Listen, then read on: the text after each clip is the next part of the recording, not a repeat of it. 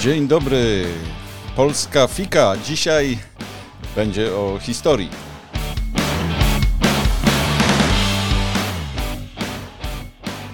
Ale nie o historii tej prawdziwej, tylko historii według Roszkowskiego.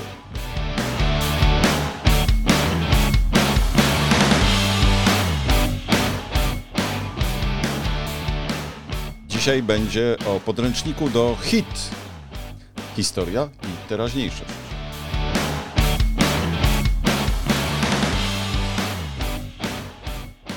Nie wiem dlaczego, ale złośliwi dodają do hit wcześniej głoskę S.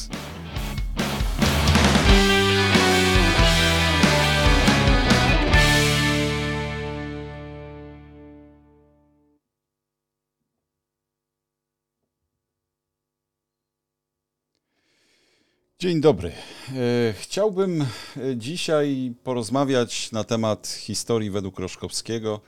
Jest to jedyny na razie podręcznik na, na rynku dopuszczony przez Ministerstwo Edukacji i Nauki. Nauczyciele nie muszą używać podręczników, mogą korzystać z własnych źródeł.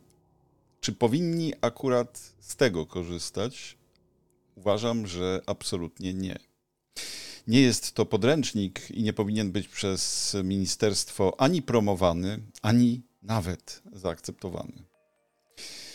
I od razu powiem, nie jestem historykiem, chyba że e, uprawiam akademicką historię idei, historię kultury. I te aspekty najbardziej mnie obchodzą, ale oczywiście interesuje mnie to również dlatego, że mój młodszy syn jest w tej chwili w siódmej klasie hmm. i za dwa lata znajdzie się w liceum. I nie chciałbym, e, za wszelką cenę nie chcę, żeby mógł korzystać, e, żeby miał cokolwiek wspólnego z tą pozycją. Książka dopuszczona przez Ministerstwo Czarnka do klas pierwszych liceum i technikum jako podręcznik jest bowiem ekskluzywna ekskluzywna w tym sensie podstawowym, że to jest na wyłączność, a zatem w sensie dosłownym.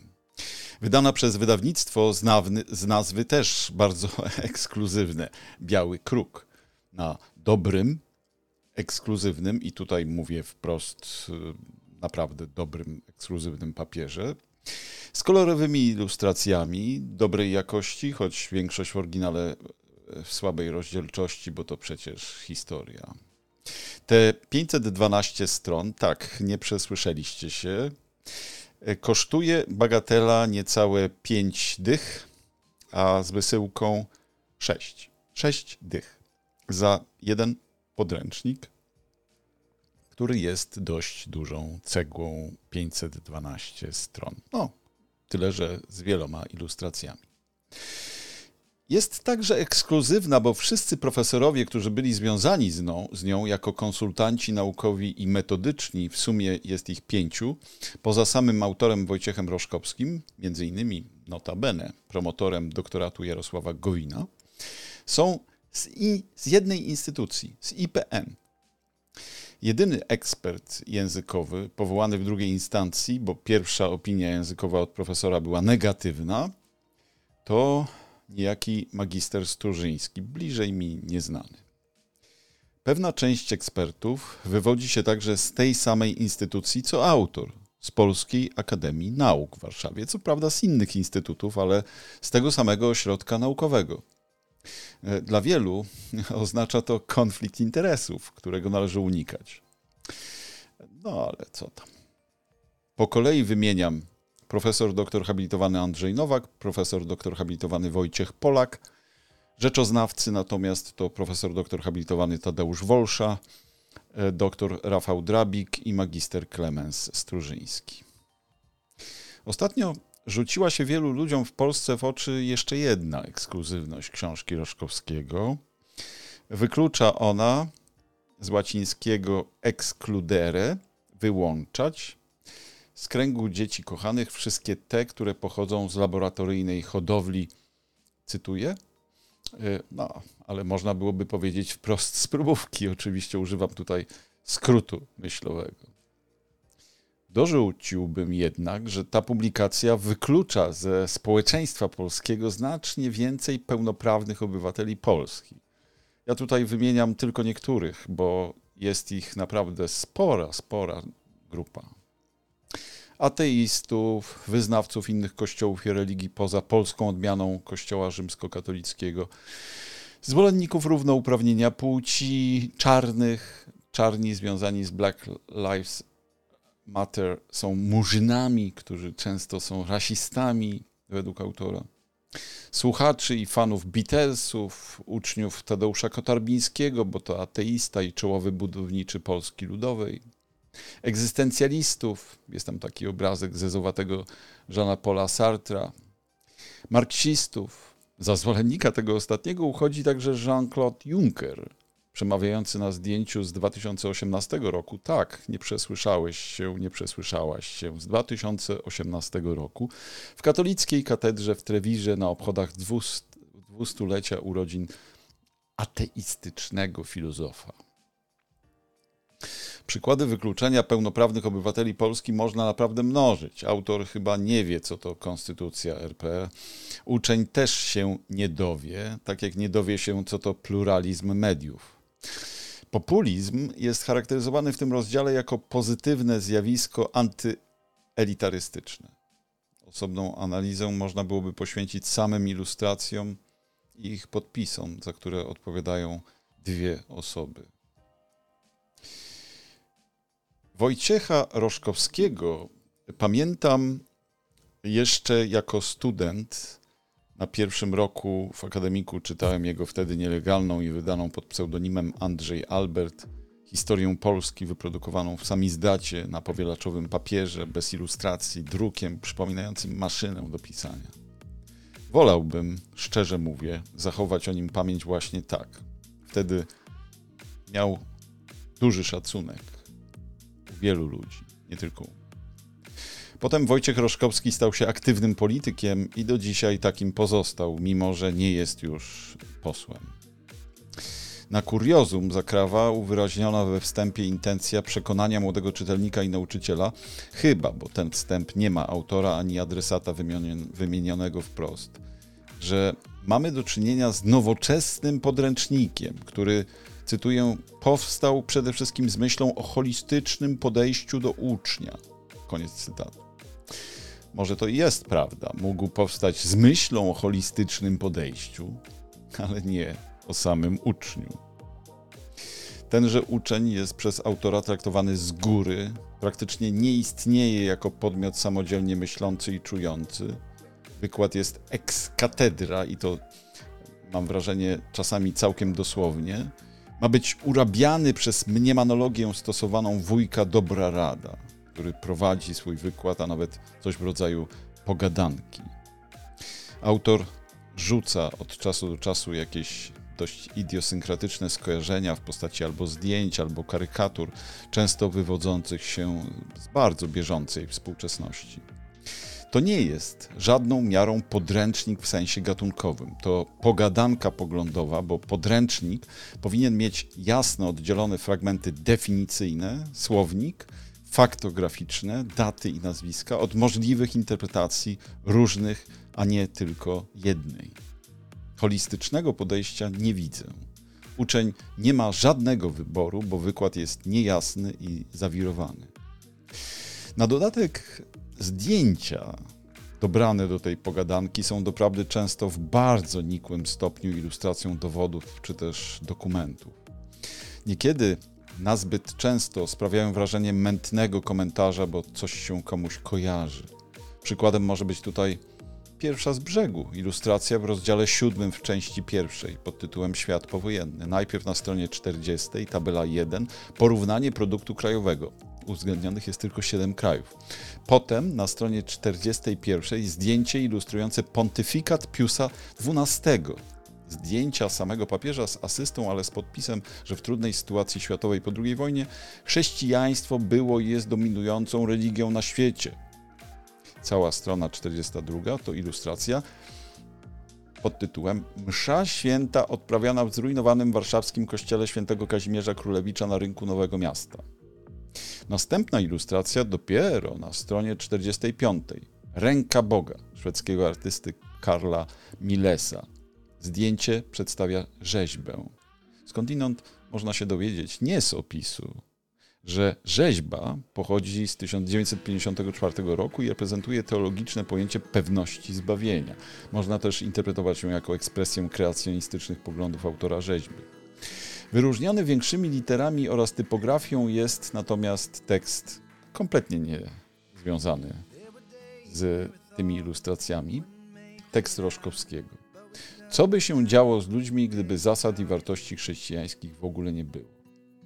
Oraz ateiści są więc ludźmi wierzącymi, tyle że wierzą oni w nieistnienie Boga.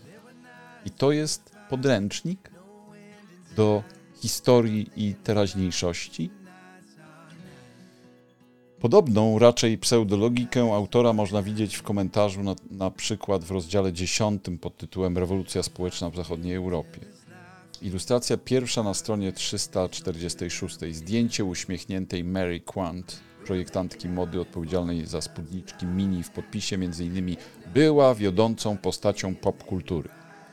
Następna ilustracja. Demonstracja prowosów w Amsterdamie przedstawionych jako protoplaści hipisów na stronie 349.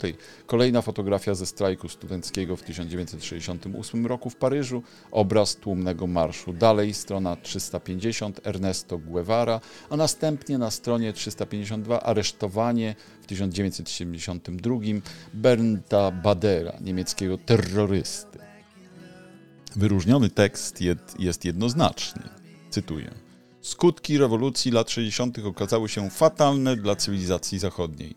No, jeśli terroryzm jest y, konsekwencją rewolucji lat 60., ale jakiej rewolucji? E, której rewolucji? Chodzi o rewolucję kulturalną? O jaką rewolucję tu idzie? Nie wyjaśniamy. Może w stłumionym przez dogmaty umyśle autora takie obrazki same przez się są zrozumiałe, ale dla przeciętnego znawcy tematu historii nowoczesności nasuwające się nieodparcie utożsamienie rewolucji kulturalnej z terrorystami oraz rewolucjonistami jest grubym nadużyciem, a tym bardziej wykorzystanie tego do prawienia andronów, cytuję, Między wymaganiem dyscypliny a przemocą w rodzinie jest przepaść. Kto je utożsamia, nie rozumie psychologii. Koniec cytatu. Tekst jest wyróżniony typograficznie u góry lewej strony na stronie 348. Jaka to psychologia? Tłumaczy zbitkę myślową autora. Błagam o wskazówki, ale błagam też niewyznaniowe. Na uwagę zasługuje także fakt, że autor wstępu próbuje mącić, kiedy stwierdza – Nowoczesne sposoby nauczania już dawno odeszły od humboldtowskiego stylu lekcji frontalnej na rzecz współpracy z uczniem w celu ewolucji wiedzy z równoczesną możliwością podjęcia debaty opartej na znajomości faktu. Pomijam już koszmarną budowę tego zdania. Koszmarną. Humboldt w grobie musi się przewracać, jeśli dochodzi do niego, że pruski dryl w szkole oraz wykładanie prawd od tablicy, bo o to chyba idzie w tym fragmencie, są tożsame w niektórych pismach z jego szczytnym ideałem Bildung, czyli samokształcenia samodzielnego człowieka, tak jak u polskich filomatów i filaretów. Poza wszystkim, Humboldtowski mamy model uniwersytetów, którym uczenie przez doświadczenie, badanie rzeczywistości jest podstawą. Nie sądzę, żeby ideały proponowane przez Roszkowskiego były ideałami humboldtowskimi. Ale wprost przecież mówi, że się przeciwstawia humboldtowskim ideałom. Nowoczesność to także nie jest umieszczanie na przykład linków do materiałów online w postaci kodów QR to jest dzisiaj raczej minimum, a nie awangarda metodyczna. Natomiast jeśli idzie o metodykę nauczania, to niestety materiałów w tych pogadankach jest znacznie za wiele, jak na realizację wyznaczonym przez ministerstwo zakresie. Uzupełnienia zaś nie zachęcają uczniów do samodzielnego myślenia. Także tak zwane wstępy nagrane na wideo samego Roszkowskiego, które można odsłuchać na YouTube z konta Białego Kruka oczywiście. są albo w ogóle nieskomentowane, albo same są apodyktycznym komentarzem. Notabene jedną z polecanych lektur w rozdziale 14 jest pozycja G. Kucharczyk, odsiecz z nieba, prymas Wyszyński wobec rewolucji, wydany w Krakowie w 2021 roku, oczywiście w białym kruku. To było na stronie 365. Pytania wyodrębnione na końcu nierównych i nieproporcjonalnych rozdziałów są pseudopytaniami. Nie zachęcają do dyskusji, debaty, czy nie daj Boże krytyki. Literatura uzupełniająca, czyli dla chętnych, to obowiązkowo bardzo naukowe opracowania, które często, których często obawiałbym się polecić nawet studentom, bo za trudne. Ale nade wszystko to są wcześniejsze monografie Wojciecha Roszkowskiego. Jego książki z tak zwaną aparaturą naukową, przypisami, których nie ma w hit, sprawdziłem, są pod każdym rozdziałem. Być może są tam dlatego, żeby uniknąć łatwego zarzutu skierowanego przeciwko autorowi, powielania swoich pism. A już teraz na Twitterze pojawiły się bardzo sympatyczne z kotkami anonimowe doniesienia o autoplagiatach Roszkowskiego. Układ nie jest klarowny, jest linearny, niby chronologiczny. Narracyjność polega na subiektywnych skojarzeniach autora pogadanki. To nie jest narracja na poziomie Timothy Snydera, Normana Davisa czy Pawła Jaśnicy, w którym rozczytywałem się we, własnym, we własnej młodości w liceum.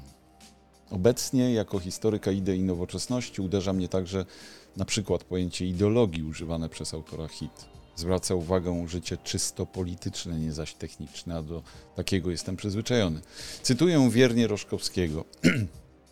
Wśród najbardziej popularnych obecnie ideologii politycznych należy scharakteryzować socjalizm, liberalizm, feminizm i ideologię gender, współczesną chadecję, czyli chrześcijańską demokrację, której nie należy jednak utożsamiać z chadecją sprzed lat 40 i więcej. Koniec cytatu.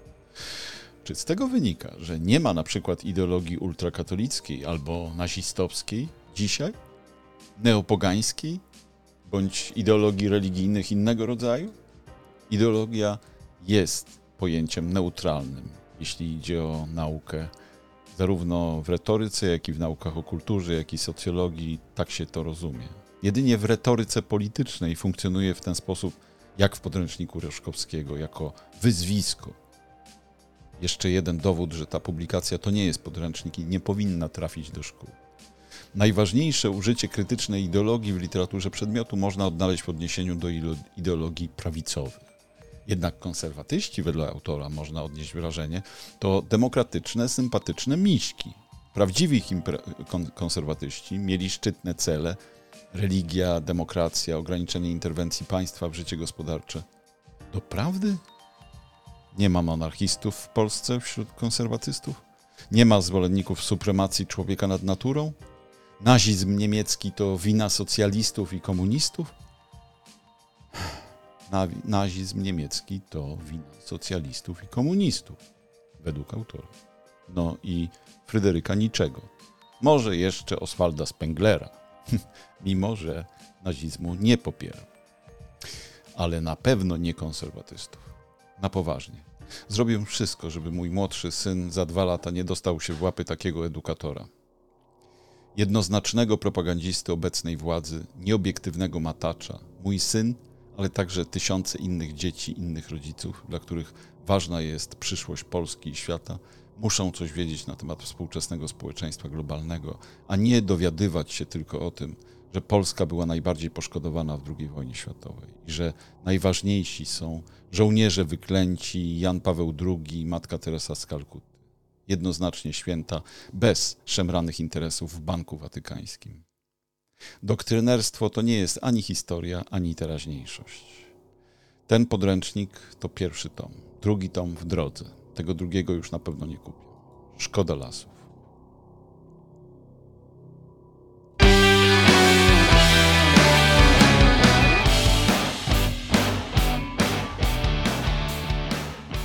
To była polska fika. Dziękuję, że słuchałeś, słuchałaś. Zapraszam na następne odcinki. Wszystkiego najlepszego.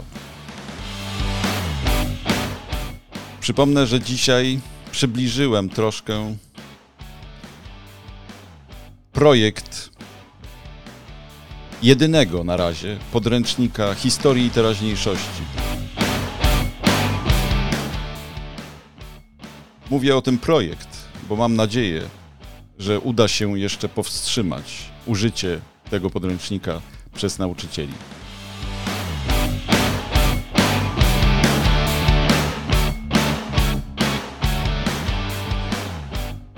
Ratujmy nasze dzieci przed ideologizacją, przed propagandą polityczną.